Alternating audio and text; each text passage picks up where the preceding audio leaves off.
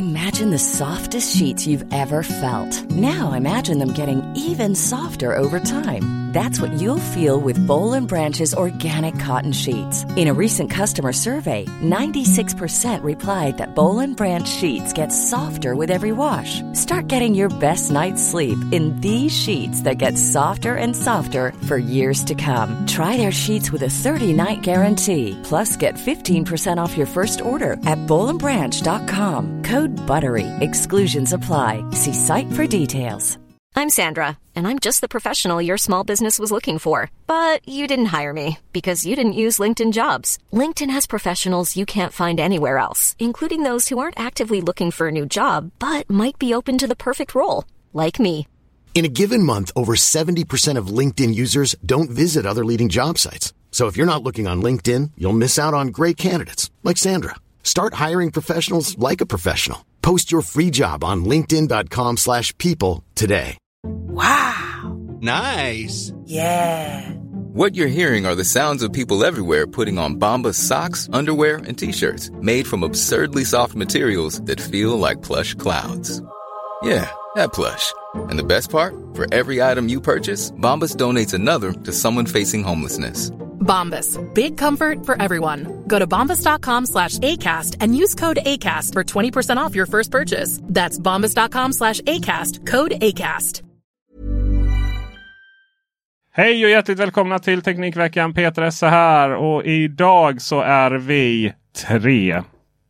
Kommer ni ihåg när tre hade den här fruktansvärda låten i, på telefonsvaren? Ja, ja. Ja.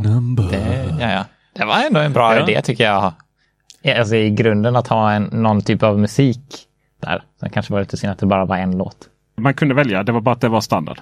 Och alla fick den. Det var Ah, inte så att man skulle ah, aktivera det. ah, okej. Eh, vi ska faktiskt prata lite om, eh, om eh, ljudhygien och så alldeles strax. Eh, Men ni hörde att det var Tor Lindholm och Joel Oskarsson som är med här i eh, denna dag. Och det är beroende på att vi ska då desikera Apples iPhone 12-serie. Och jag verkar vara den enda som har döpt den till 12-serien.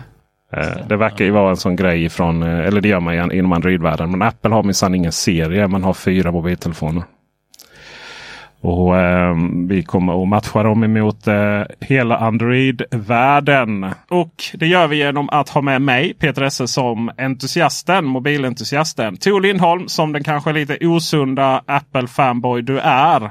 Nej, jag, jag står som försvarare. Det är liksom att ni två skulle hålla detta själv. Det kan vi inte tillåta. Då vet vi hur det hade slutat. Då hade alla gått härifrån och trott att eh, Kina är bäst. Så nej, jag är den sista utposten i den här podden. Och Joel Oskarsson som står för det opatiska, det professionella eh, analyserna. Professionalismen helt enkelt i vanlig ordning. Det tackar jag för. Det är vi som tackar Joel. Men först så ska vi prata lite om Teknikveckan som har gått. Och eh, jag vill härmed eh, ge EU ytterligare någonting att eh, ja, förbjuda helt enkelt. För allt ifrån... Eh, Vem sa du där? Var det EU eller var det JO? Ja, det, vi kan köra båda och. Jag har inga problem med det. Vi tar in eh, ge- regeringen också i detta. Det här med att mobiltelefoner får ge ifrån sig ljud i allmänna utrymme. Så som eh, man eh, är på vårdcentralen och eh, ska ta blodtryck. Vet ni hur det blodtryckstestet gick efter jag suttit och lyssnat på folks olika plingande i mobilen när de får notiser? Crazy Frog? Hade de det som ringsignal? Nej, alltså jag hade önskat det. Jag, typ, men du vet de här klassiska, klassiska. Det stängde Joel av telefonen. Alltså, så var lite nervös ut. ja, men det var klassiska pling. Och sen kommer det pling. Och så kommer det. Alltså varför har telefoner högtalare överhuvudtaget? Ja, det, jag håller helt med dig. Jag undrar lite, det, det var ju någon gång där eh, iPhone, eh, vilken var det? Var det sexan? När den kom, iOS eh, som eh, uppdaterades då, då Apple eh, raderade allas så här hårt eh, framarbetade eh, personliga ringsignaler. Kommer ni ihåg att man kunde liksom modifiera den där in i absurdum och lägga speciella ringsignaler på speciella eh, människor och så var det lite olika och folk hade de där som de hade haft från början och hitan och ditan. Men sen helt plötsligt så med en uppdatering så bara nollställdes allt så att alla hade samma, den här nya ringsignalen från Apple. Alltså inte den första som ni minns de här clownfiskarna äh, fiskarna och äh, den här ringsignalen som kom med den allra första iPhonen och 2, 3G och 3GS. Utan äh, därefter så kom det liksom en ny ringsignal från Apple. Och helt plötsligt så hade en morgon när alla vaknade då och hade uppdaterat sina telefoner över natten eh, så hade alla den här ringsignalen. Och efter det så liksom var det den ringsignalen från Apple och det sms-ljudet som var liksom på alla telefoner och det var helt fruktansvärt. Man hade ju inte koll på vem som, vems telefon som var vad. Det är ju det och gruppchattar är ju ett samhällsproblem alltså. Särskilt gruppchatter som man inte deltar i och som man helst gärna undviker. Och som folk Du, väljer att... Gruppchatter som man blir tillagd själv i. Ja. Jag, jag kan komma ut från ett möte och så, så bara 70 meddelanden. Fan, nu har ju ungen dött. Så bara nej, nej, då är det ju någon som är arg för något hus som ska byggas i innerstan i Lund. Och så har man blivit tillagd i en eh, sån vi är arga-grupp. ja. Det, det är då man behöver ha ljudet avstängt helt enkelt. Särskilt. Ja, det har jag alltid. Men, men Peter, jag, vill, jag, vill, jag förstår ljudet är jobbigt. Men folk som har burrande telefoner då? Det får man nog acceptera, burrandet faktiskt. Nej, nej, nej, nej, nej det är inte okej. Nej. när folk, folk sitter på möten och så är det någons telefon som börjar ringa så här. Mm. Ja, den är jobbig. Ja. Och så, och så, säger man, så stannar hela mötet upp, alla tittar så här, vems telefon är det? För att ah, de flesta har stängt av även burret. Ja, så är det någon som sitter där så här, ah, det är min. Det, det, jag har den på ljudlöst. Ja, jo, vi, vi vet att du har den på ljudlöst. För den burrar! Men den ska inte burra heller! För det låter! Det är inte ljudlöst då. Och så, så är det som att de bara låtsas som ingenting. Jag vet inte om det är att de inte fattar hur man stänger av burret. Om de tror att de bara ignorerar burret så försvinner det och vi alla kommer fortsätta mötet. Nej, för det är skitstörigt för att antagligen är det unga där hemma som undrar om de får eh, mer skärmtid. Så sitter ungen och tärrar föräldern och bara. Hela mötet blir förstört. Okej, inga ljud mobiltelefoner. Eh, vi kan ju också gå in på folk som alltså lyssnar på musik med högtalartelefon i kollektivtrafiken. Men det är nog en annan podd för det. För nu vill jag faktiskt prata om just skärmtid. Eh, jag har alltså umgåtts eh, 15 minuter själv med Tors son. Och eh, om jag säger så här Tor. Jag tror du Ja. behöver jobba rätt hårt på att eh, amerikanska regler, eh, att man inte får utlämna hackers till USA lagom till din son blir ungefär 20. För den, den ungen, han har lärt sig social engineering. Så, så sitter han och muttrar lite om det här med skärmtid. Då, att han inte har någon tid. Och sen så tittar han upp på mig så här lite som bara barn kan göra. Funkar ditt tumavtryck på pappas telefon? och sen kan du pappas kod. och sen hör man honom senare försöka få Siri att öppna upp telefonen. Ja. Alltså- Siri är ju inte bra så det hade inte varit helt osannolikt. Du har närt en hacker vid din barm Tor. Och eh, det jag undrar nu över är att det här, de här rigorösa skärmtidsrestriktionerna du har på den här ungen eh, och andra restriktioner. Är det bara en plan för att få honom att bli sån riktig sån megamind-hacker? Eller vad är, liksom, eh, vad är planen där bakom? Ja, i eh, onsdags här så eh, fick jag honom att eh, på väg in till Malmö då, eh, när vi pratade om vad, man, vad vill man bli när man blir stor, så sa han jag vill bli spelut. Är du stolt nu? Alltså det kändes ju bra att han bryter en lång, lång tradition av eh, då sådana här vårdyrken som vi har i min släkt. Läkare, psykologer och gud vet vad det. Ja, herregud. Mm. Alltså det, det kändes faktiskt bra. Jag blev varm i hjärtat. All right, ja då, då förstår vi det. Vi har ju pratat lite om det här med våra olika barn innan. Då. Eh, Till exempel min son, han har ju noll skärmtid. Eh, alltså, eh, jo, han har väldigt mycket skärmtid. Eh, eh, det där är ju så här, alltså skärmbegränsning är ju ordet egentligen. Mm. Ska det ju vara så här. Det är ju inte skärmtid, det handlar om det skärmbegränsning. Han har, han har ju inga som helst sådana. Eh, och hanterar det fantastiskt bra. Men det har vi pratat om innan och kommer kanske prata om i framtiden. Eh, Tor, hur har din teknikvecka varit? Ja, alltså den, den, jag vet liksom inte riktigt om eh, vad jag kan kalla det teknik. Det är liksom, var det du Joel som sa det här fantastiska uttrycket att, att, att vara bra på teknik är egentligen bara att eh, vara duktig på att förstå att det inte fungerar. Det vet jag inte om jag har sagt, men jag brukar väldigt ofta säga att teknik sällan fungerar eller aldrig fungerar. Så det ligger någonting i det. Ja, eh, och det, det, det känns ju lite så att eh, i den här veckan har jag fått jobba mycket på det här att det fungerar inte när jag testar. Eh, jag behöver testa väldigt, väldigt, väldigt många gånger för att hoppas på att det fungerar. Eh, Peter, vi spelade ju in en eh, video här som har förhoppningsvis har kommit ut när det... Nej, det har den Jag har det inte. Nej. Nej, och det kan ju bero på mig då. Eh, Jag försöker ju få en, en sån här dörrklocka som man sätter på dörren att koppla upp. Och eh, så får jag det fungera, men jag får inte det på film och så ska jag ta bort det och då fungerar det inte igen när jag ska eh, eh lägga till den. Och det här är ju ett, ett oh, sånt återkommande problem med mycket teknik att första gången man lägger till det så funkar det bra. Men att plocka bort en enhet från, ett, då, från sitt smarta hem och från eh, eh då, eh, sin, eh, sitt nätverk och sen lägga tillbaks den igen. Det brukar liksom aldrig riktigt fungera smidigt. Och eh, det är inte bara den här ringklockan då utan nu när jag har flyttat så har jag då eh, ska jag koppla upp alla mina Philips Hue-lampor. Har ni försökt göra det en andra gång på en Philips Hue-lampa?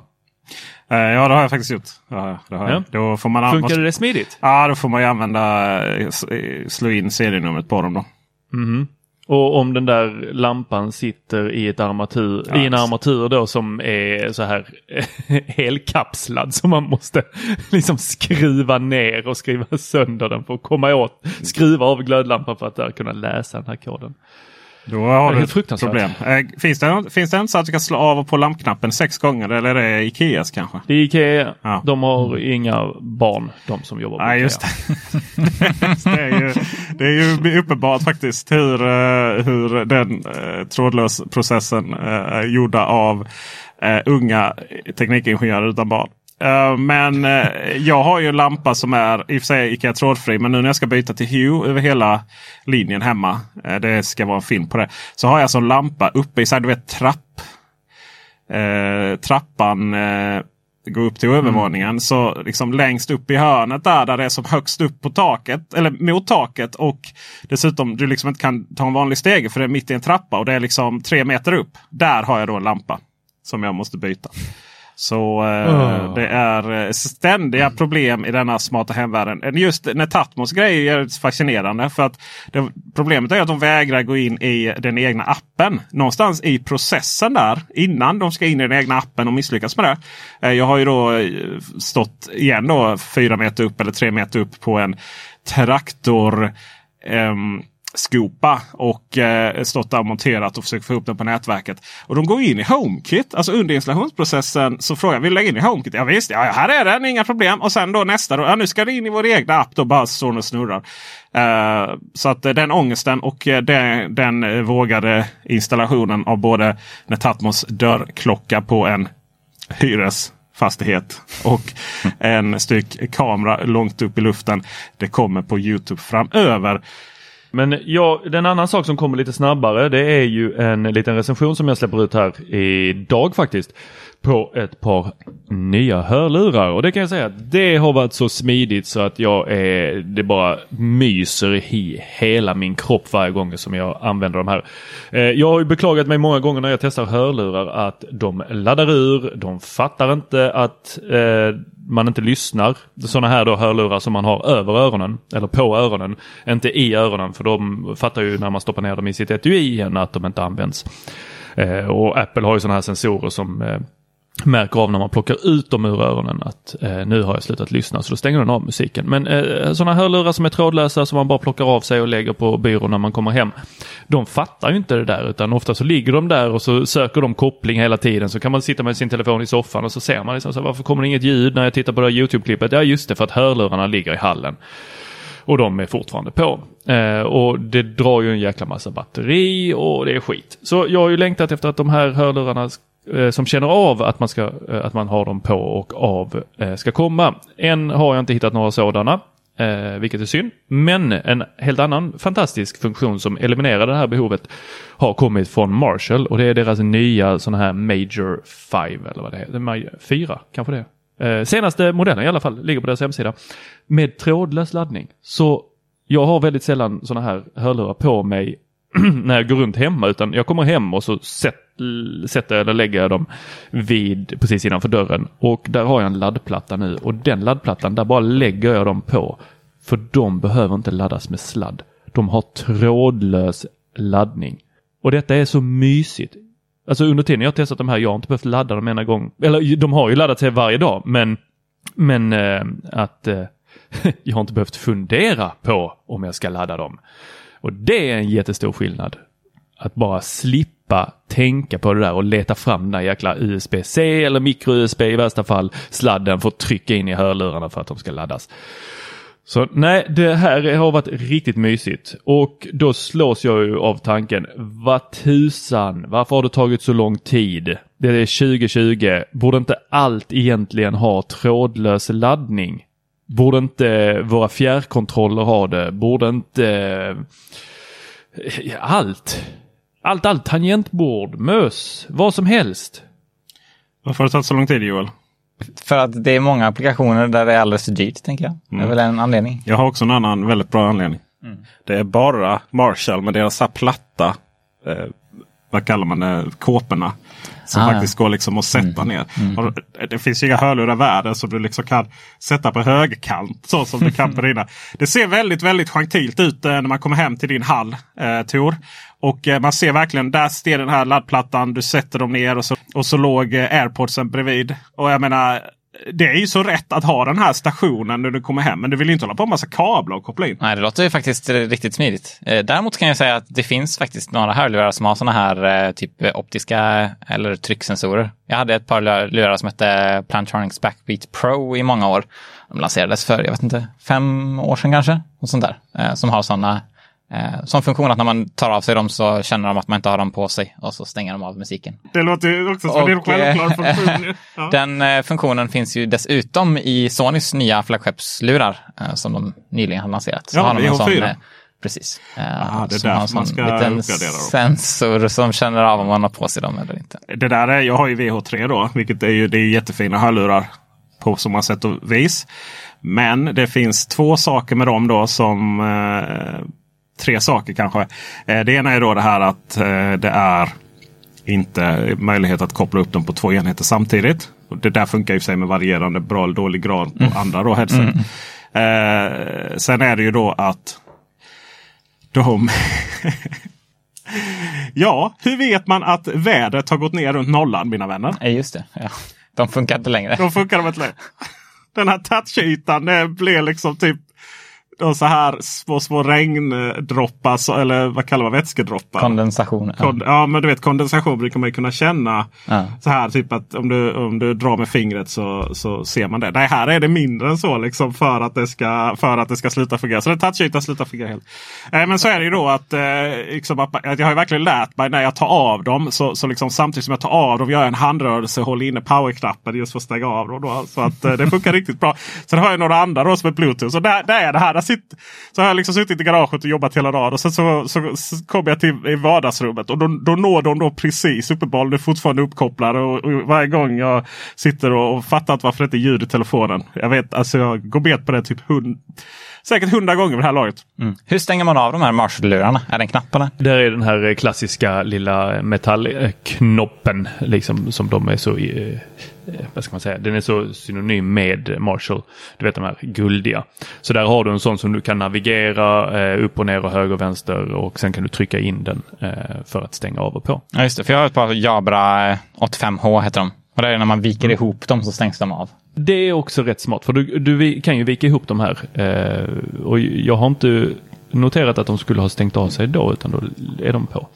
Bra typ av produkt för trådlös laddning. Och eh, de här eh, med laddetui är ju ofta så att du laddar, inte ofta, men eh, kanske 25% av dem som jag testat tar ju fodralet i induktion. Så du sätter på platta, plattan. Och sen så laddas ju givetvis hörlurarna i laddetuiet. Joel, hur har din teknikvecka varit? Alldeles utmärkt faktiskt. Den har blivit förgyllts av en eh, smartphone som jag testar. En anledning till att detta är särskilt roligt är att jag har en eh, fäbless för eh, underdogs. Det var inte Samsung, nej. Nej. Jag testar Sony Xperia 5 2. Detta är alltså inte Sonys flaggskepp utan deras mellanbarn. Det lustiga med den är att den är typ bättre än eh, Sonys riktiga flaggskepp för att det blev nog lite dålig timing för Sony gissar jag. Och eh, kontentan av detta är att den här telefonen har typ all modern teknik med vissa noterbara undantag visserligen. Och samtidigt så är den i ett eh, extremt kompakt och trevligt format som är exceptionellt ovanligt i, eh, på Android-marknaden. Och eh, trots det kompakta formatet så har man ett ganska stort batteri som ger riktigt bra batteritid. Man har en utmärkt 120 Hz-skärm. De har en tillräckligt bra kamera för priset och eh, Sonys mjukvara uppskattar jag. Um, men den stora selling pointen här givetvis är ju formatet som så länge var Sonys grej med kompaktserien och den här är ju inte ens i närheten av så liten. Men i dagens mått mätt så är det uppfriskande att testa en riktigt bra Android och modern Android-telefon som inte är så gigantiskt enorm som alla andra är. Det här Sonys revansch? Jag tror inte de kommer sälja särskilt många av dem om det är det du menar. det är verkligen högt och lågt. Så, så idag handlar det inte om att göra en bra telefon, det handlar om något annat då alltså? Bolaget bryr sig inte om någonting annat än försäljning menar jag. Jag bryr mig om huruvida den är bra eller inte. Eh, Så på det sättet är det kanske en re- det, revansch. ett, det var ändå ett mobilföretag, Sony Mobile, som, som mera är en div- division inom Sony. De måste väl ändå liksom, de, de var ju så nära eh, att lägga ner allting. Sen måste varit när de gick liksom hälften av det man skrattar åt Blackberry. Alltså när de gick från att eh, gå från att vara liksom, gå till övrigt och sen gå till övrigts felräkningsprocent. Ja, Då var de små. Ja, eh, verkligen. och nu har de ju släppt, jag menar, jag, jag gillade ju verkligen eh, formen eh, på eh, och känslan att hålla i eh, Xperia 5. Mm. eh, Mark 1 då. Eh, sen var det ju mycket annat som saknades. Men eh, eh, det här känns ju som att de har något på G. Verkligen. Ja, det som är eh, uppfriskande är att de är, visar att de är tekniskt kunniga. Vilket de helt ärligt inte har varit typ så länge som jag har testat smartphones. Det har alltid varit eh, någonting tekniskt som har gjort dem ganska, med ganska stor marginal långt efter konkurrenterna. Och de har haft, ofta har de haft några enstaka funktioner som har varit väldigt innovativa. Alltså extremt högupplösta kameror eller först med nya typer av slow motion ehm, ehm, lägen för kamerorna och skärmarna är jättecoola. Första vattentäta telefonen hade de. Precis. Eh, men det har liksom aldrig kunnat... De har varit mindre bra på att göra en, en, en produkt i stort som kan konkurrera på så tillräckligt många punkter för att vara konkurrenskraftiga. Och eh, just den här telefonen kommer eh, åtminstone oerhört nära och har en nisch, vilket är väldigt viktigt för Sony i nuläget, tror jag. För att man behöver ha ett tydligt säljargument för att få väljer Sony, annars om det inte... Det, det, det hjälper inte att det är en procent bättre än konkurrenterna, utan det behöver vara någonting helt unikt. Och det är faktiskt den här. Vi kommer väl kunna läsa en recension på uh, surfa.se. Ja, det finns, på, det finns på eh, surfa.se just nu om du, när du lyssnar på den här podden. Fantastiskt. Ehm, Det som jag tycker är intressant med Sony som jag då eh, dissade dem för ganska hårt. eh, Att man tog eh, telefonen som ju är ganska vek film och fotokamera. Jämförelse med då Sony Alpha-kamerorna. eh, Det vill säga deras, deras 25 till, till 100 000 kronors kameror. Och sen uppåt också filmkameror. Och så, så har man då speciella Pro-appar eller har speciella Pro-appar där du då kan liksom ställa in precis så som du vill. Eh, och så menar man liksom att man ska hitta en koppling däremellan. Och jag har hela tiden menat att eh, men de som förstår de här termerna, de som kan jobba med det här. Eh, de kommer ju naturligtvis inte vilja filma med en mobilkamera. För att visst, är mobilkameror i, i sitt egen lilla box i sin egen lilla värld blir ju bara bättre och bättre och är ju helt fantastiska. Eh, men i samma ögonblick som man går över till utrustning som eh, kostar mer än vad liksom en hel dyr mobil gör. Och ha, eller bara ha ett objektiv som kostar mer än vad en hel iPhone eh, 12 Pro Max Superduper Plus eh, heter. Vad heter de? Vi kommer till det strax. Eh, kostar. Ja, men då är man i en helt annan värld. Men det är ju också precis det som Apple då har gjort nu. Och eh, då kanske Apple drar igång en trend som Sony är helt positionerad eh, i. Vi får väl se. För vi ska ju nämligen prata om just iPhone 12-serien. Och min fråga till dig Joel och dig Tor. Varför tog det så lång tid att få ut de här? Eller gjorde det det? Ja, det tog väl en... Eh, vi ligger väl en månad, en och en halv efter va?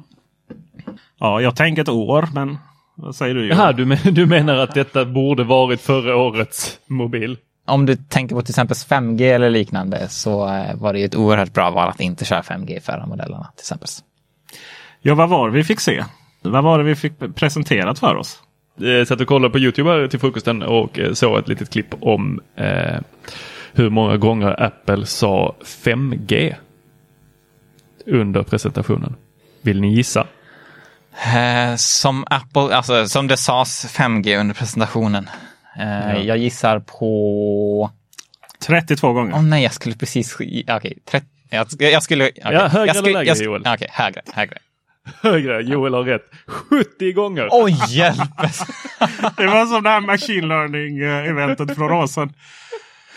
Ah, Ja, de, de lyckades få in 5G i princip varje funktion. Eh, Den här Ja. kameran är jättebra och den blir ännu bättre med 5G. Allting. Det var bara 5G. Hela eventet. Och jag, jag, ni som har lyssnat på förra podden vet att jag satt och var lite gäspig. Ah, Och Peter, det har ju du lite bättre koll på än vad jag har varför jag var lite gäspig över 5G. Och det fantastiska med den här funktionen. Eh, och det var, är ju för att den gäller inte riktigt oss här hemma i Sverige. Det beror på hur man ser på det. Alltså vi får ju 5G, men vi får väl det här subnätet, eh, heter 6 GHz-nätet. Ja, det är inte ens 6 GHz. Det är ju... Men det är sub 6. Det är sub 6. Alltså Sub 6, under- förlåt. Ja. Nu handlar det ju mycket om, och jag gjorde ju liksom på Teknikveckan så du postade lite eh, nyheter bland annat om eh, ett fodral då som var speciellt gjort för 5G. och det skulle bara, Jag bara tänkte, men vadå 5G? Alltså, det finns ju inget som är speciellt med 5G. Det är samma, det är samma antenner, det är samma frekvenser. Och ehm, så och, och fodral generellt ska väl inte försöka störa ut sin egen telefons ehm, frekvensband. Då. Eh, jag tror det till och med det kan vara lite eh, att det är direkt olagligt. Men så eh, insåg jag ju det baserat på det först Joel sa och det du, det du sen sa. Det är ju det att i USA så har ju då eh, iPhone bara i USA av någon anledning. Eh, eller om de inte har lanserats i Ryssland ännu. Eh, för de två länderna och vissa andra länder har ju något som heter millimeter wave. Där verkar man ju då gjort synonym med vad man då liksom säger är 5G med millimeter wave. Och Joel, jag tror folk har hört mig förklara det här, min röst så många gånger om vad millimeter wave, 5G, eh, sub 6 och så här. Eh, så jag tänker att du kan väl få förtydliga alla de här begreppen och vad är 5G hit och vad är 5G dit och vad är det för extra antenner som behövs och varför och varför USA och varför Ryssland. Då? Jag kan köra den snabbaste versionen jag kan få ihop här. Ja, eh, 5G är väldigt likt 4G på jättemånga sätt. Man använder liknande frekvenser. De stora optimeringarna ligger i till stor del hur nätet hanteras. Och det ger lite fördelar, till exempel svarstider och liknande. En annan stor nyhet med 5G är att man använder helt nya frekvenser. Och detta ofta man hör många konspiratoriker snacka om. Och eh, detta handlar helt enkelt om astronomiskt mycket högre frekvenser som eh, har fördelen att de kan skicka mycket mer data för att man använder mycket större bandbredd. Så kan man göra, få mycket högre hastigheter. Problemet med detta är att eh, det eh, ger väldigt kort räckvidd och är väldigt svårt att ta sig igenom material. Så syftet med det här är att eh, få väldigt hög kapacitet på platser, specifikt med mycket personer och många enheter. Det skulle kunna vara till exempel eh, i kraftigt eh, befolkade storstäder eller på specifika platser såsom eh, eh evenemangsstadion och liknande. Och eh, då för att det här ska fungera så behöver man Eh, tillgång ut till yttre världen som är väldigt bra med specifika antenner som kan hantera de här frekvenserna. Så då har de här nya iPhone-modellerna ett litet fönster i sin design för just de här frekvenserna för att kunna nå ut och eh, prata med de här högfrekventa masterna. Och då får man då anta att just det här fodralet då var gjort då för att inte, inte täcka, täcka det lilla eh, fönster eller antennen vad som finns där på Ja, sidan. där, där vill jag bara flika in också just när det gäller termerna här. Att eh, många använder millimeter wave som främst har myntats av eh, Qualcomm. Sen är det också så att Apple inte sa det utan de sa ju ultra wideband och det har ju helt enkelt eh, kommer ju från faktumet att när man har så höga frekvenser så är det lättare att ha en större bandbredd av frekvenser. Eh, så därför kallar de det. Så att om man är lite förvirrad över termerna så är det för att lite olika företag använder olika termer. Historien bakom det här är väldigt intressant för övrigt. Eh, när man satt där på sitt eh, kafferep då på Ericsson och så, så sa man okej men vad, vad ska 5G vara? De satt med vitt papper då. Ja, men vi behöver, vilka problem ska man lösa? Låg latency och så vidare. och så vidare. Okej men vi behöver ju fler frekvensband. Ja men det finns ju inte. Alltså det är ju jättetajta mellan eh, 2,4 ligger ju allting på. Bluetooth, ehm, eh, wifi, ehm, även så här eh, USB-dongel till din mus och sånt. Allting ligger där liksom. Just för att det är liksom fritt, eh, fritt nät som vem som helst får använda utan specialtillstånd. Och sen så går det då sakta upp till eh, strax under 6 då. Och ni vet skillnaden mellan 2,4 GHz nätverk då som, som i hemmet som kan ta sig väldigt långt. Och sen har man då 5 GHz nätverk som har lite svårare att ta sig igenom möbler och så vidare. I där ligger en skillnad mellan 2,4 och, eller inte möbler med väggar och sådär. Så I där ligger en skillnad mellan 2,4 och 5 GHz. Millimeter wave eller ultra, vad heter det? ultraband? Ultra wideband. Ultra wideband.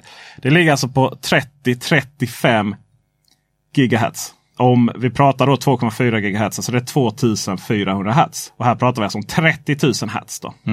Det är alltså strax innan eh, mikrovågor blir någonting annat. Och för att förstå då liksom problematiken runt att, att använda de här höga frekvenserna. Och, och, det, det, och anledningen att det blev där det var för att man kollar då på Europa. Men var finns det liksom nästa frekvensband tillgängliga?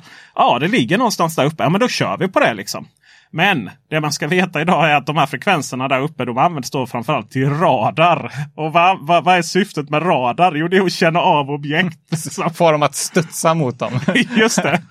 Så, så det handlar ju om det då. Eventuellt så kommer man använda, eh, använda det i Sverige. Men, men det är inte ens säkert att det kommer, kommer hit.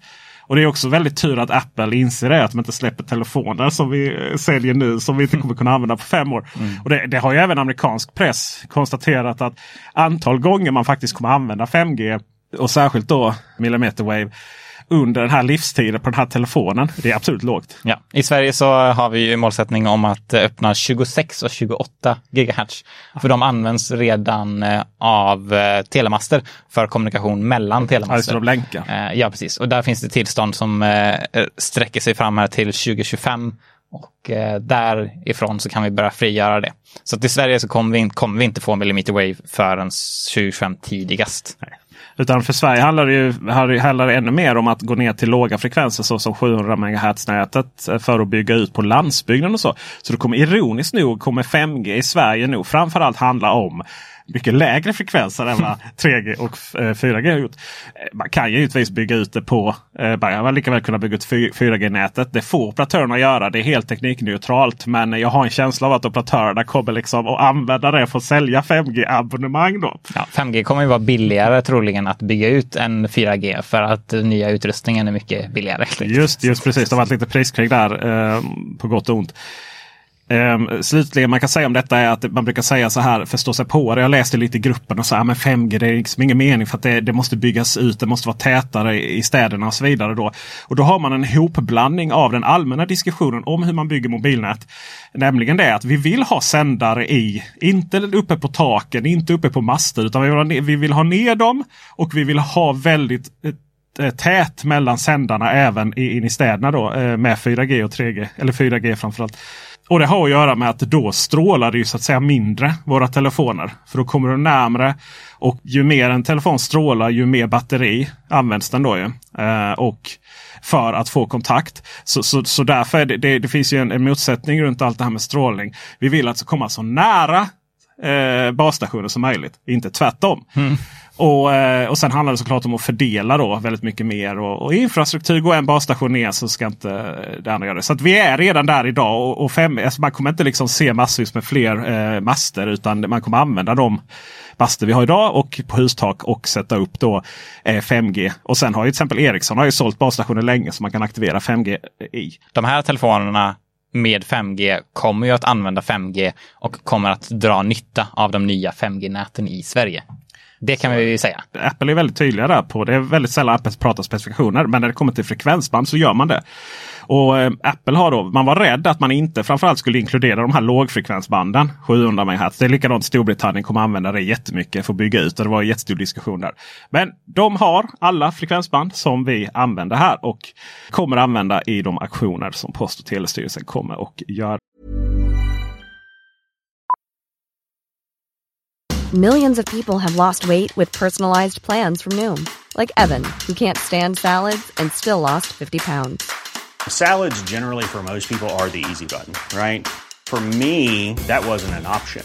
I never really was a salad guy. That's just not who I am. But Noom worked for me.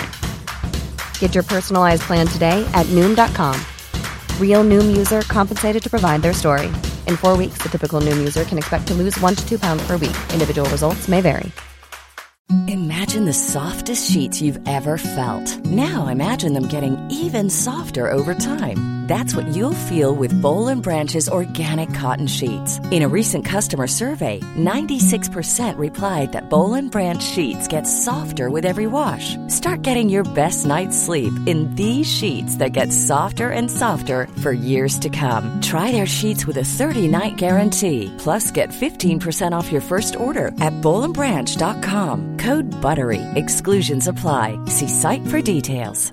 I'm Sandra, and I'm just the professional your small business was looking for. But you didn't hire me because you didn't use LinkedIn jobs. LinkedIn has professionals you can't find anywhere else, including those who aren't actively looking for a new job but might be open to the perfect role, like me. In a given month, over 70% of LinkedIn users don't visit other leading job sites. So if you're not looking on LinkedIn, you'll miss out on great candidates like Sandra. Start hiring professionals like a professional. Post your free job on linkedin.com/people slash people today. Burrow is a furniture company known for timeless design and thoughtful construction and free shipping, and that extends to their outdoor collection.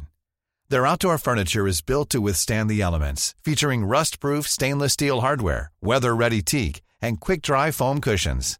For Memorial Day, get 15% off your Burrow purchase at burrow.com/acast and up to 25% off outdoor.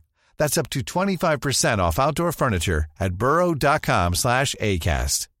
Hey, Dave. Yeah, Randy. Since we founded Bombus, we've always said our socks, underwear, and T-shirts are super soft. Any new ideas? Maybe sublimely soft. Or disgustingly cozy. Wait, what? I got it. Bombus. Absurdly comfortable essentials for yourself and for those facing homelessness. Because one purchased equals one donated. Wow, did we just write an ad? Yes. Bombas. Big comfort for everyone. Go to bombas.com slash ACAST and use code ACAST for 20% off your first purchase. Men det var inte bara 5G vi, vi fick se här nu. Utan vi fick ju se då en styck, förlåt, en styck serie. Vi fick ju se iPhone, heter den iPhone Mini 12 eller iPhone 12 Mini? Alternativ nummer två. Tack. Eh, vi fick se iPhone 12, vi fick se iPhone 12 Pro och vi fick se iPhone 12 Plus. Nej. Nej. Max. Max. Just det, plus Ja, var... plus har de gått ifrån. Ja, ja det ser 12 jag. Pro Max. Ja. 12 Pro Max. Jag är ju besviken över att, det inte, att de inte heter Mini Midi Max. ja. Men det, det här är ju väldigt många telefoner och de har kvar rätt många från de gamla varianterna också. Vi har iPhone SE och sen har vi iPhone 11 och sen har vi iPhone 10R. Det ger många modeller. Vi har ju numera mindre modeller att välja mellan och sådär. Vi, vi kan ju börja med eh, vad som är gemensamt för de här. Alla har då 5G. Då som vi kunde konstatera. Alla har eh, en flärp. Ja. Nådens år 2021 är vi nästan inne i nu. Men det som eh, gör mig mest upprörd eh, faktiskt över det här. Det är ju eh, att alla har 60 Hz skärm och alla har Lightning-kontakt.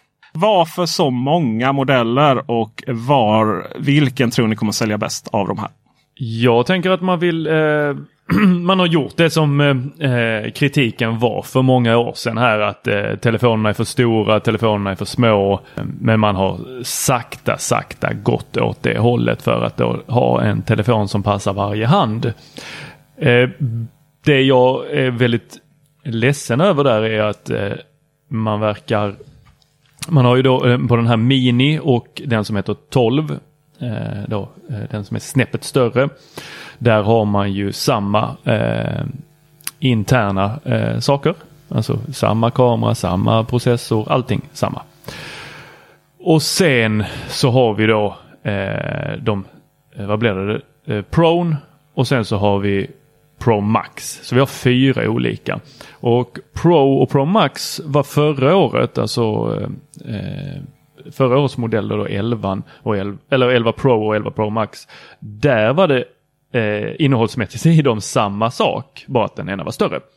Men det här året så har man då låtit vissa saker vara exklusivt för Max-modellen. Eh, vilket gör att om man då verkligen är ett, eh, då ett proffs som vill ha en Pro telefon, vilket den då säger med namnet att det är ett proffs.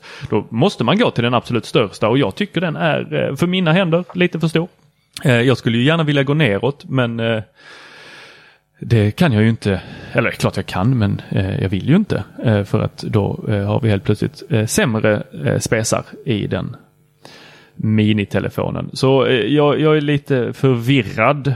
Vilka spesar i den lilla Pro-modellen är det du känner att du saknar från Max? Ja, då, då är det kameran helt enkelt. Ja, stabiliseringssystemet där och 0,5 gånger större. Ja, större ja. sensor och eh, stabiliseringssystemet. För det där är ju guld. Alltså med 11 så tyckte jag det blev, alltså det blev riktigt snyggt när man, eh, man går och filmar.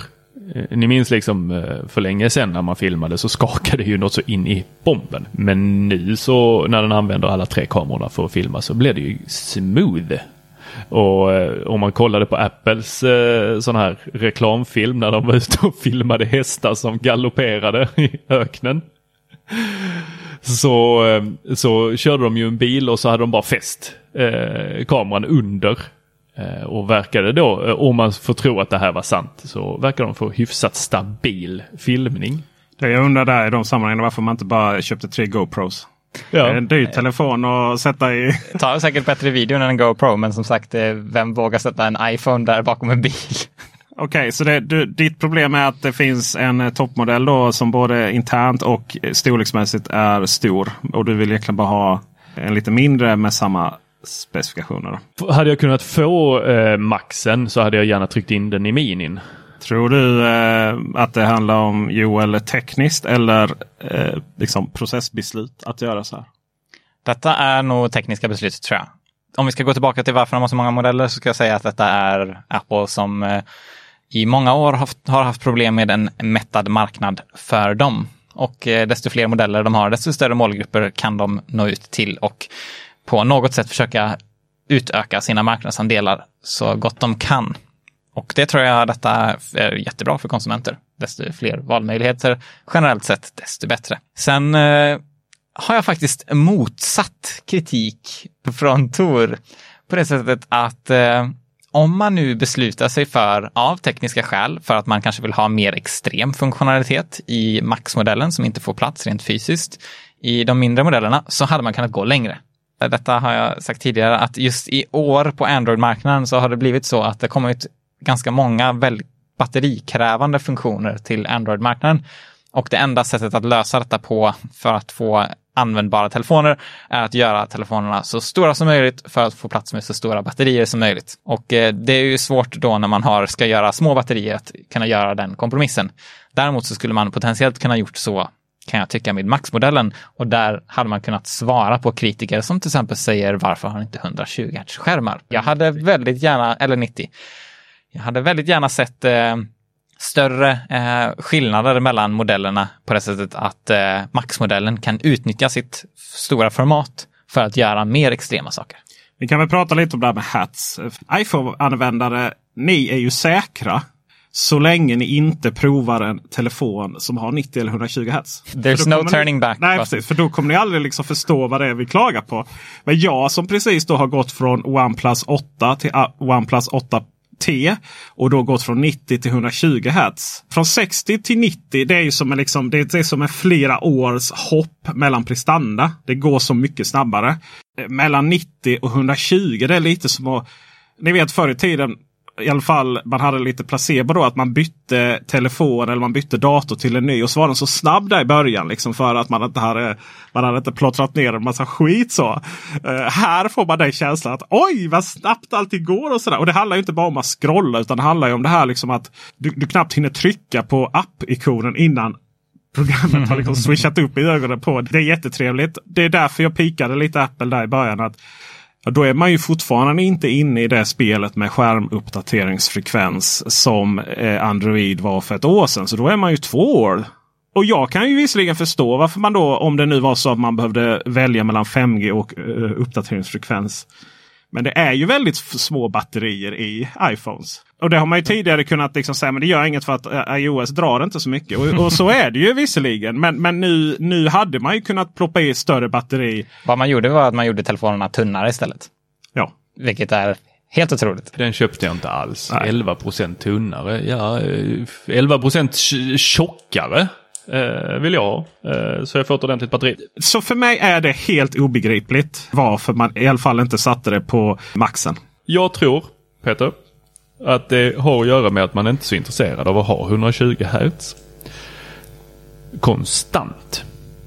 Utan jag tror att man kommer jobba hårt med det man har på iPaden och, eller iPad Pro och på klockan. Att man har en uppdateringsfrekvens som hela tiden anpassar sig istället. Och där man då ska kunna få ner så att man sparar ännu mer batteri. Mm. Fast det finns ingen teknisk begränsning för att inte göra det, för det finns ju gott om Android-tillverkare som har sådana dynamiska uppdateringsfrekvenser också. Så att... Absolut, jag, jag, tror bara att Apple vill jobba lite till. Ni vet, ja, sådär som just, bara just. Apple kan göra. Jag har en tes om varför detta inte har så stor betydelse och varför detta kanske är ett bra beslut från Apple. Och det är att iPhone-användare använder iPhone. Så precis som du säger så är 120 Hz grejen är inte någonting som är lätt att förstå att man vill ha innan man har testat det. Så att Apples strategi är att se till att ingen får se det tills de kan köra det på alla modeller. För att eh, liksom hålla borta detta från folket så att de inte gör uppror mot diktaturen. Liksom. Eh, och sen kan man införa det för alla samtidigt. Det är ju poäng att man, de är ju verkligen eh, där i sitt egen lilla verklighet. Eh, och det säger jag inte alltså som någon av raljering utan Apple har ju sin egen bubbla av eh, referensramar då på sina användare. Eh, men det går inte att gå tillbaka eh, till en iPhone från en Android-telefon ur den hänseenden. Det kan jag säga om du väl har testat det. Visst att du testar kompisen och så men du är liksom fortfarande inne i ditt ekosystem. När jag tar en iPhone 12 så kommer jag ju tyck, nog antagligen känna att oj vad långsamt det går. Som en person som byter smartphone en gång per vecka så får jag ju en hjärnblödning varje gång jag behöver byta från en 120 Hz till Ja. en 60 Hz skärm. Ja, och visst, det händer ju i nuläget väldigt ofta. Eh, Det finns andra specifikationer. iPhone 12 kommer då med 12 megapixel kameror över hela linjen. Medan då Android-världen är framme i 108 megapixlar. Eh, vi har också då eh, ganska många eh, kameror som jobbar med 48 megapixlar i eh, Android-världen. Men Joel Oskarsson, de här 48 megapixlarna de är ju egentligen 12 megapixlar. Mm. Det jag kan säga är att eh, kamerasensorerna, en kamerasensor som faktiskt har 12 megapixlar har ju en fjärdedel så många pixlar fysiskt som en sensor med 48 megapixlar. Grejen är att så här har digitala eh, kameror alltid fungerat. Varje pixel kan bara fånga in information om en färg. För de är ganska enkla. Varje sensor eller varje pixel kan nämligen bara känna av hur mycket ljus som kommer på dem. De kan inte känna av vilket typ av ljus. Så det man gör är att man har en färg, eh, ett färgfilter framför varje pixel som då ser till att bara en färg kommer fram till den pixeln. Så varje pixel har bara färginformation om antingen röd, grön eller blå. Varav grön är hälften av pixlarna och röd och blå splittar på resten av pixlarna. Och sen för varje pixel för att då lista ut vilka färger man ska ha mer än bara den enstaka färgen som man har fått in information om, så kollar man på information från närliggande pixlar. Förutsätter att den pixeln borde ha ungefär samma värden som de närliggande och sen så gör man en korrelation och eh, får ihop en uppskattad färg för det. Det man gör ofta med 48 megapixel kameror är att man gör exakt samma sak. Det är bara att i slutändan så komprimerar man ner det till 12 megapixlar och då kan man säga att eftersom man använder fyra stycken pixlar, två gröna och en röd och blå, så har man full färginformation för varje pixel istället för att gissa sig fram. Så eh, om vi då pratar om de här 108 megapixel sensorerna då. Mm. Eh, vad ska man ha dem till? Då är det exakt samma princip fast eh, där har man ett block av 3 gånger 3 pixlar så man har mer färginformation för att få mer exakt eh, färgdata till varje pixel. Sen beroende på hur man sparar det så eh, kan det ge olika effekter. För det finns 108 megapixel kameror som har eh, eh, annat än 3x3 och då kan få högre upplösning i den faktiska bilden. Och det kan faktiskt ge skillnad i detaljrikedom. Så till exempel eh, Xiaomi Mi Note 10 som var först med 108 megapixel kamera. Den hade en annan downsampling som gjorde att eh, den faktiska upplösningen blev högre och om man verkligen zoomar in så ser man också att detaljrikedomen är högre än en vanlig 12 megapixel kamera. Så om vi tar den här informationen och så, så applicerar den då på eh, den här presentationen av iPhone 12 Max, eh, Pro Max. Som eh, då ska vara liksom krisendiet av fotokamera på så många sätt och vis. Som då är 12 megapixel. Och Sony eh, kör också 12 megapixlar. Ja, de är ju tydliga dock med att de, eh, varje pixel är 4 pixlar. Så att det är en 48 megapixel sensor de har i sin. Okej, okay, så Sony som gör sensorerna till alla i princip. Deras kunder säger att det är 48 och Sony säger att det är 12. Precis. Vad är det i iPhonen? Så vitt jag vet så är det en 12 megapixel sensor. Så varför har vi 12 megapixlar i iPhones som då är väldigt mycket färre än i Android-världen? Och varför? Vad blir resultatet av det i slutändan? Skillnaden är nog ganska liten. Det man skulle kunna argumentera för är att 48 megapixel-kamerorna eh, har mer färginformation som ger eh, potentiellt bättre färg. Problemet är att det är väldigt svårt att se effekterna av det, eh, särskilt med dagens telefoner som har ganska hård bildbehandling där man blir av med mycket brus och andra färgartefakter och liknande. Så att skillnaden är, det är väldigt svårt att säga om det finns någon skillnad överhuvudtaget. Vi har alltid den här diskussionen. Men ändå är det den oftast informationen som vi som recensenter får ta del av på olika sätt och vis. Mm. Men då, då istället så är det ju egentligen hur stor sensorn är ju som är det viktiga. Just det, ja, och det är jätteviktigt. Här har vi då alltså en större sensor på Pro Max. Mm. Och den var på, hur många mikrometer var den på nu då? Varje pixel var 1,7 mikrometer om jag inte minns fel. Okay. Vilket är nästan identisk som eh, fyra stycken pixlar på en traditionell 48 megapixel. Eh, traditionell, en eh, 48 megapixel sensor. Okay. Och om vi då matchar de här sensorerna mot flaggskeppen från Samsung. Eh, Note 20 eh, Note Ultra till exempel. Mm. P40 Pro Ultra från Huawei. Vad kommer vi då i jämförelse? Om jag inte minns fel så snackar vi om att de här högupplösta sensorerna från Samsung till exempel är större för att de har en pixelstorlek som är liknande. Fast det är mycket högre upplösning så att de själva sensorerna är ju större. Däremot så är de ju väldigt liknande de här 48 megapixel sensorerna som vi ser från många tillverkare. Just eftersom pixelstorleken på en megapixel i den här 12 megapixel kameran är ungefär samma som då fyra pixlar på 48. Så att eh, själva sensorstorleken verkar ju vara liknande med den här 48, typen av 48 megapixel kamera som vi har sett vara ganska vanlig i Android-marknaden de senaste åren. Vi får bländare, vi får eh, pixelstorlek då, vi får eh, totalt antal megapixlar och så vidare. Eh, går det överhuvudtaget att läsa ut hur en kompetent en kamera är baserat på den informationen? Eller i slutändan måste vi gå ut och fota för att jämföra själva? Det går inte alls faktiskt. Det går att eh, identifiera vissa egenskaper som kameran skulle kunna ha. Men idag så äh, säger de här siffrorna extremt lite. Många budgettelefoner har ju 48 megapixelkameror med låga bländarvärden och hitan och ditan. Men de är inte bra.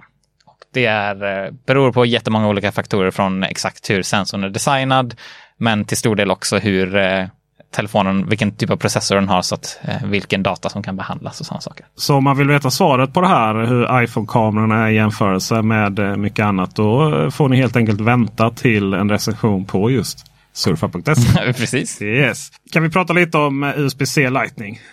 Apple har sålt telefoner där man inkluderat laddare med USB-A. Alltså den långa gamla USB-kontakten. Och en USB-A till Lightning-kontakt. Sen med iPhone 11 Pro så inkluderar man en USB-C till Lightning-kabel och en USB-C-laddare. Och till iPhone 12-serien Tor så yes. inkluderar man alltså en USB-C till Lightning-kabel och ingen laddare. Med hänvisning till att man redan har laddare. Som du då inte kommer kunna använda med den kabeln som inkluderas. Hur hamnade du där Tor? Du som får ansvara för Apple. Jag, jag har sett att det här har varit mycket upprörda känslor på internet över att, eh, eh, inte bara att man har valt att ta bort det här lilla dockhuvudet som man sätter in i väggen och sen kopplar in sin USB-A-sladd då till, eller i det här fallet som du påpekar att de har faktiskt bytt ut en USB-A till Lightning till en USB-C så att man behöver då ha en USB-C-dockhuvud eh, som man sätter in i eh, väggen. Utan man har även tagit bort hörlurarna eh, överallt i hela världen förutom Frankrike. För där finns det någon lag som är där det kostar jättemycket om man inte skickar med hörlurar. Det är någonting med att man ska rädda barnen i Frankrike från dålig musik eller jag vet inte vad det var. Men eh, oavsett.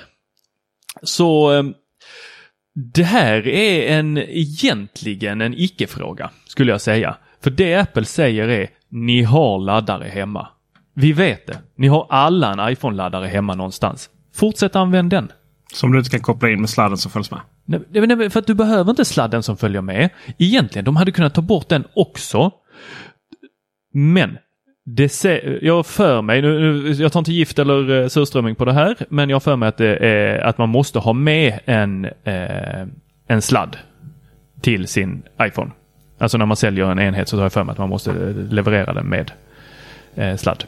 Dessutom så är Apple väl medvetna om att deras kablar går sönder hela tiden, vilket inte laddarna gör. Jag förstår att folk vill då använda den nya sladden. De vill ha tillgång till att telefonen kan snabbladdas.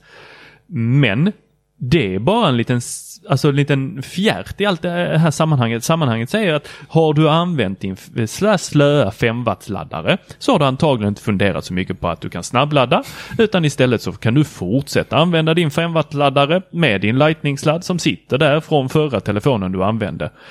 Eh, skulle det vara så att du är helt ny, detta är den första iPhonen du skaffar, ja, då kan jag köpa att det är lite störigt att man inte får med det där dockhuvudet. Att du måste punga upp. Då har man ju, då, då, då har du ju Apple då gjort att de har sänkt priset från eh, med, jag tror det är 10 dollar på de här. Eh, från då 29 till 19 dollar kostar det här eh, då USB-C-huvudet som man sätter in i väggen. Ja, men det som jag vänder mig mot i det här, i hela det här sammanhanget, det är ju Apples lilla dimridå som man lägger upp och säger åh, det här gör att vi nu inte påverkar miljön lika mycket. Ja, det är en konsekvens, men det är inte därför ni gör det.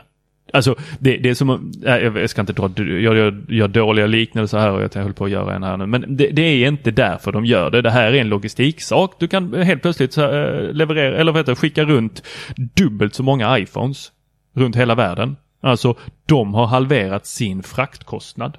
Att säga att det här är för miljön, det är ju liksom... de, de, hade ju inte, de hade ju inte klagat om de hade sålt dubbelt så många telefoner. Nej, tyvärr, vi slutar här för detta var vad vi sålde förra året. Vi ska ju inte påverka miljön vill Apple göra något för miljön så, så skulle de kunna öppna upp för komponentreparationer från tredje part på telefonerna så man inte behöver köpa ny om de skulle gå sönder allt för mycket. Eller inte ha en glasbaksida ja. som inte går att reparera. Ja, det, det, är också en väldigt dålig idé. Vad gör man inte för designen? Det, det, är ju en poäng det här att man faktiskt redan har sladden då till sin, eh, förhoppningsvis till sin Apple-laddare där hemma. Eh, och det hade, faktiskt, det hade ju varit fruktansvärt konstigt om man faktiskt skickade med en Lightning till USB-A. För att till skillnad mot dig Tor, så vill jag mena om du inte har en laddare idag. Det är ju inte så att du springer ut på stan till Kjell Company och köper liksom, ah, men jag vill ha en USB-A-laddare. Alla laddare är USB-C i princip. Ja. Eh, nu lyckligtvis har Android-världen Ja, fast om du går till, till bensinmacken så finns det ju gott om eh, vanliga USB-A. Jo, jo, men det är ju dags att det ska försvinna liksom. Ah, USB-A bensinmackor. Ja. Det är ju frustrerande att Android, det. det. är ju frustrerande att Android, många tillverkare fortfarande faktiskt skickar med USB-A. Men de, de kör ju så här megasnabbladdning på 45-65 watt. Men så här USB-A-laddare på egen standard. Men nu har faktiskt OnePlus skickat med en 65 watts laddare via USB-C till USB-C. Då kör man sin egen snabbladdningsprotokoll in i telefonerna. Men den är faktiskt Power Delivery upp till 45 watt. Då, så du kan ladda mackar eller andra saker i, i det. Så det är ju nice. Men varje gång Apple gör en förändring i de här sammanhangen till det bättre. Alltså det är klart att det, vi, vi ska förinta USB-A liksom. Eh, men då är det fortfarande så här. Nu gör Apple en förändring. Det är bara för att de ska tjäna pengar på eh, laddare. Eh, tänk så här. Alltså de här till, frakten är en god poäng faktiskt Tor. Men det här liksom att laddarna, att man vill liksom sälja mer tillbehör jämfört med vad de tjänar på iPhones. Jämfört med vad de tjänar på airpods. Så, nu får vi bara hoppas att airpods och Apple Watch och sånt också eh, uppdateras. För att det är, det är, nu är det väldigt mycket kablar. Det jag tycker fortfarande är jävligt upprörande det är att det inte är USB-C på, eh, på eh, iPhone. Kan det finnas någon annan anledning än att man eh, gärna gottar sig lite till med de, eh, de investeringar man har gjort i det protokollet? Eller vad tror du Joel? Jag tror att eh, de snart kommer att ta bort sin port och att de då inte vill förstöra för eh, tillbehörsmarknaden genom att introducera en ny port för att två, tre år senare ta bort den helt. Jag är helt med dig där Joel. Och jag tror också att den här med hörlurarna, att de kommer sluta. Alltså de kommer finnas kvar något år till men de kommer inte vilja sälja mer av de här trådade hörlurarna. Och det blir svårt när de inte har en port. Precis, och det, därför vill man då ta bort dem så att folk slutar använda de hörlurarna. Så när folk faktiskt, antingen har folk redan sina sådana gamla hörlurar, även om de sladdarna går sönder så in i bomben. På de här eh, Lightning till, eh, vad heter de, airpods, airpods. Jag vet inte vilken som är vilken. Utan att de vill väl gå, att folk går till trådlösa hörlurar istället. Det är ju fruktansvärt med de här sladdarna. Sladdhärvan liksom i handväskan. Och ta upp det är som att nysta upp ett nät. Visserligen om du ska ut och resa eller något sånt där så kan du inte ladda, även om du laddar trådlöst så kan du inte ladda utan en kabel. Du kommer ju fortfarande behöva ha med dig en kabel menar jag. Magnetism är det nya Joel. Och Ja. det här tror jag det här är jättekult. Det är ju jätteenkelt. Det är ju ingen Oerhört det är ju smart. så här, det här är ju ingen, ja det ju vem som helst hitta på. Ja men nu, nu är det Apple som hittar på det och Apple är tillräckligt stora för att liksom skapa ett helt ekosystem runt MagSafe på telefonen. Jag har ju redan börjat se de här eh, läcka ut de här foton på, eller läcka ut, de ligger, eh, skickas ut. Foton på de här hållarna från Belki liksom. Det kommer ju se så fantastiskt fint ut på skrivbordet där. Ha, är det den stora grejen med iPhone? Är, det, är det magneten på baksidan? Ja, det kan nog faktiskt bli en riktigt eh, bra sak faktiskt. Hur funkar det lite mer detaljrikt där Tor? Va, eh, eh, eh, fodralen, är de, håller de med magnet eller är det de som har magnet ut? Det är som ett modulersystem ju. Jag har eh, försökt sätta mig in eh, i detta men jag fattar inte. Eh, riktigt. För att det, det ska ju vara att de här skalen, eh, då, de ska inte vara längre att du klämmer på ett skal över kanterna. Utan det här ska ju vara att det liksom säger smack och sen så sitter skalet smäck på med hjälp av magneterna. Och sen så eh, jag försökte läsa på där, det är ju massa olika nivåer av det här med något, att den skulle kilda då. Jag vet inte om det är att magnetremsorna på korten inte ska eh, för, för, Apple har ju lanserat en liten sån här, eh, som Dennis, vår kära kollega, säger, eh, en liten ryggsäck till iPhonen där man kan stoppa ner sitt eh, bankomatkort då. Just där magneten är.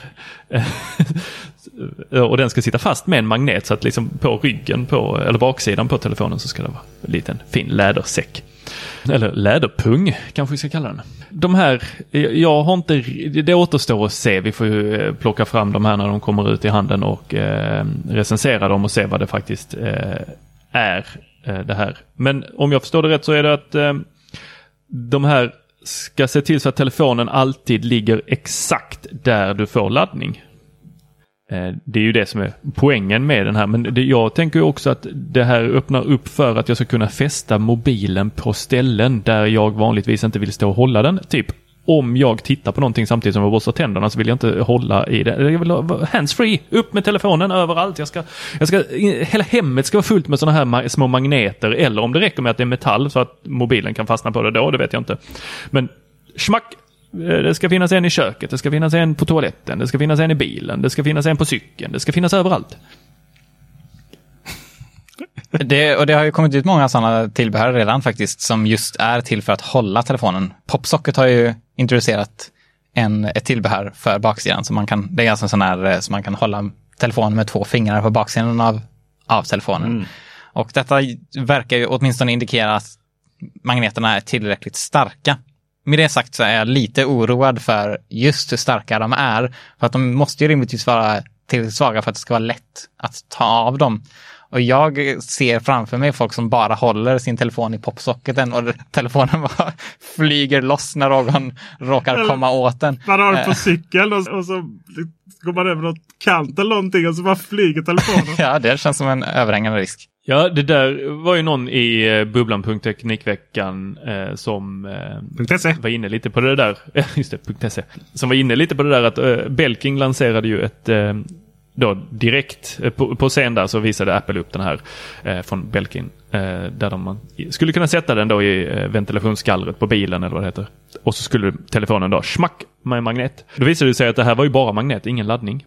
Jättekonstigt tyckte jag. Men då var det någon som sa, ja hur bra sitter den? För krockar man så vill man inte att telefonen ska flyga i huvudet på någon. Men visst hade de ett klipp också i en av de här reklamvideorna när man såg en telefon flyga runt i en bil? Eller något liknande för att visa hur, hur eh, motståndskrafterna var mot stötar. Så jag tror de har tänkt på detta och helt enkelt gjort glaset starkare för att klara av vid de tillfällena där telefonen kommer flyga runt i bilen. Ja, jag ser det framför mig. Death by iPhone. Telefonen var helt perfekt men den sitter liksom inne etsad i, i frontalloben. Rullas in på ER där bara. What we got here doctor? It's an iPhone in the head again! Vet ni vad som är roligt med det här avsnittet? Jag hade inte förväntat mig detta. Jag hade sett fram emot att vi skulle kunna komma hit, ge en rant, vara liksom duktigt kritiska till Apple, se hur det har liksom gått ut för och nu är allt borta från Steve Jobs arm. Det måste nästan säga att de kompromisserna som Apple har gjort med den här lanseringen. Jag är nog rätt kloss an faktiskt baserat på de insikter som ni har, har sagt. Tack för att ni breddade mina vyer båda två. Men eh, vi måste ändå ha en liten State of the Union här. Jag följde ju till exempel hur hur Apple eh, det här quicktime ekosystemet som man tyckte var lite roligt. Att man hade State of the Union för quicktime. Och de berättade hur utbrett det var. Och så här, man bara skrattade lite åt det. För det, liksom, det var ju verkligen på väg att dö. Liksom.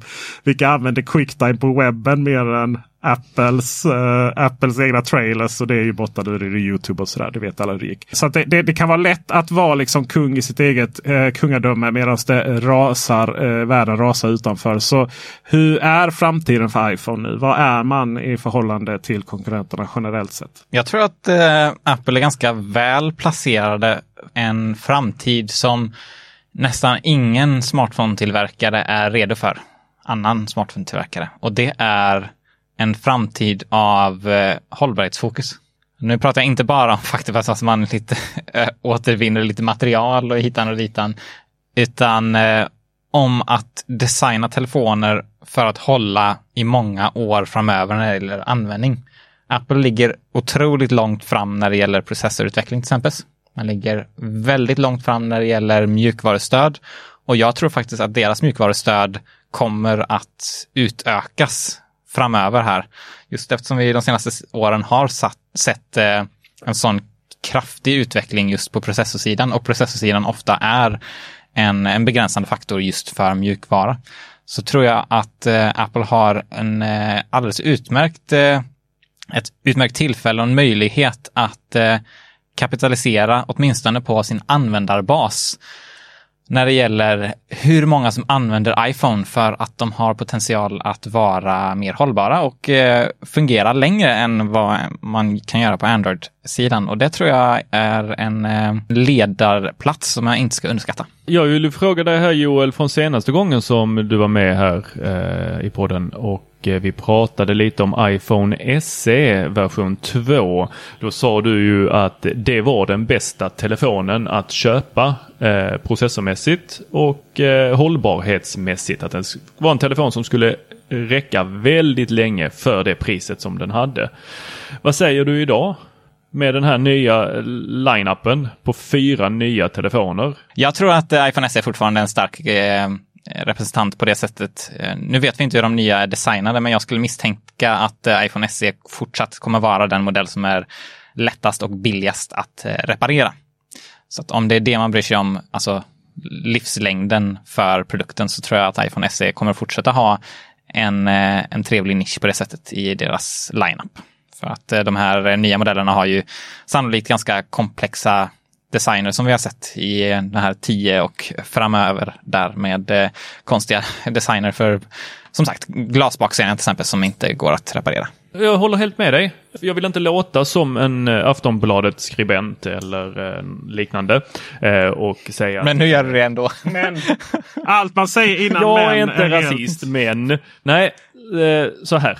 Tiden då vi stod i kö för att köpa den senaste iPhonen den är över. Idag sitter vi online och gör det så vi får inte den där hypen riktigt. Vi vet att det finns en hel del som köper den absolut senaste och jag tror att de kommer se, eh, slå, säkert slå, slå något slags rekord eh, med försäljningen detta året också.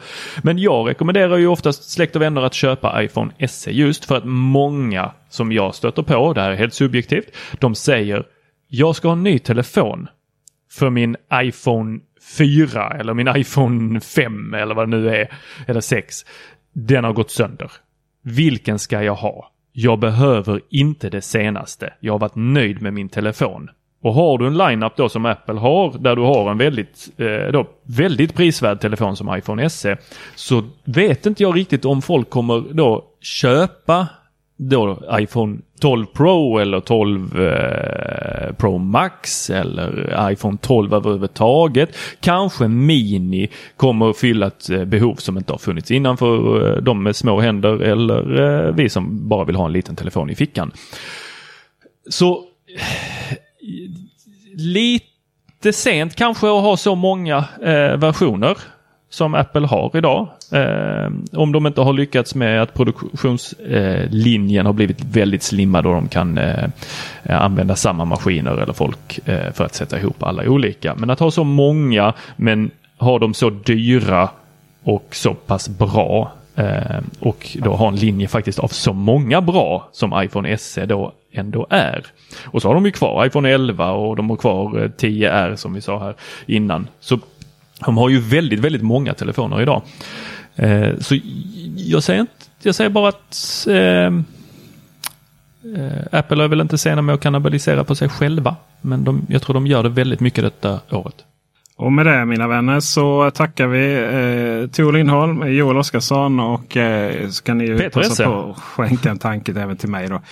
Och eh, Vi vill också passa på att säga att tänk på att Patreon är det som bokstavligt talat näring till här. Vi som producerar detta. Det räcker för att lite kaffe än så länge. Vi har aktiverat eh, möjligheten att bli Patreon för ett helt år. Vilket då gör att eh, man sparar eh, två månader avgifter. Jaha. Ja. Får ni mer eller mindre pengar för det? Eh, då får vi ju då mindre pengar. Med att, Jag tänkte ifall det fanns något system med Patreon och eh, jag har ingen aning. Jag visste inte att det fanns någon sån funktion. nej, det är rabatt om man eh, kör upp ett helt år. Då. Mm. Eh, naturligtvis så handlar det ju om att eh, sen har du ju då betalt för ett helt år. Då kan Jo, inte- absolut. Och Så då kan att, vi eh, planera vårt kaffeinköp för hela året. Vi har ju grova monetiseringsproblem just nu och vi, vi funderar lite hur vi ska göra. Eh, det här tar extremt mycket tid och vi är inte så unga längre. Min son informerar mig att jag snart är gubbe här. Jaha. Eh, 40 är jag visst snart. Det är andra åtaganden man har nu och, och det här tar tid. Det tar eh, nästan två hela dagar att eh, planera, eh, spela in. Då. Det tar ju det korta och sen redigera. Så att eh, det här måste leda till fler intäkter. Just nu är det frivillig Patreon som finansierar det. Vi får se hur det blir där i framtiden. Um, och med det så tackar jag för mig och tack Tor och tack Joel. Ett ständigt nöje. Tor, eh, Joel hittar ni på surfa.se och Nordic Hardware. Och eh, jag vill också tipsa om senaste videon från Nordic Hardwares Youtube-kanal. Där man kanske kan se den mest perfekta ljussättningen till de perfekta orden. Tack Joel. Tack så mycket. Det är en ära att vara med här. Hej. Imagine the softest sheets you've ever felt. Now imagine them getting even softer over time. That's what you'll feel with Bowl and Branch's organic cotton sheets. In a recent customer survey, 96% replied that Bowl and Branch sheets get softer with every wash. Start getting your best night's sleep in these sheets that get softer and softer for years to come. Try their sheets with a 30-night guarantee. Plus, get 15% off your first order at bowlandbranch.com. Code BUTTERY. Exclusions apply. See site for details.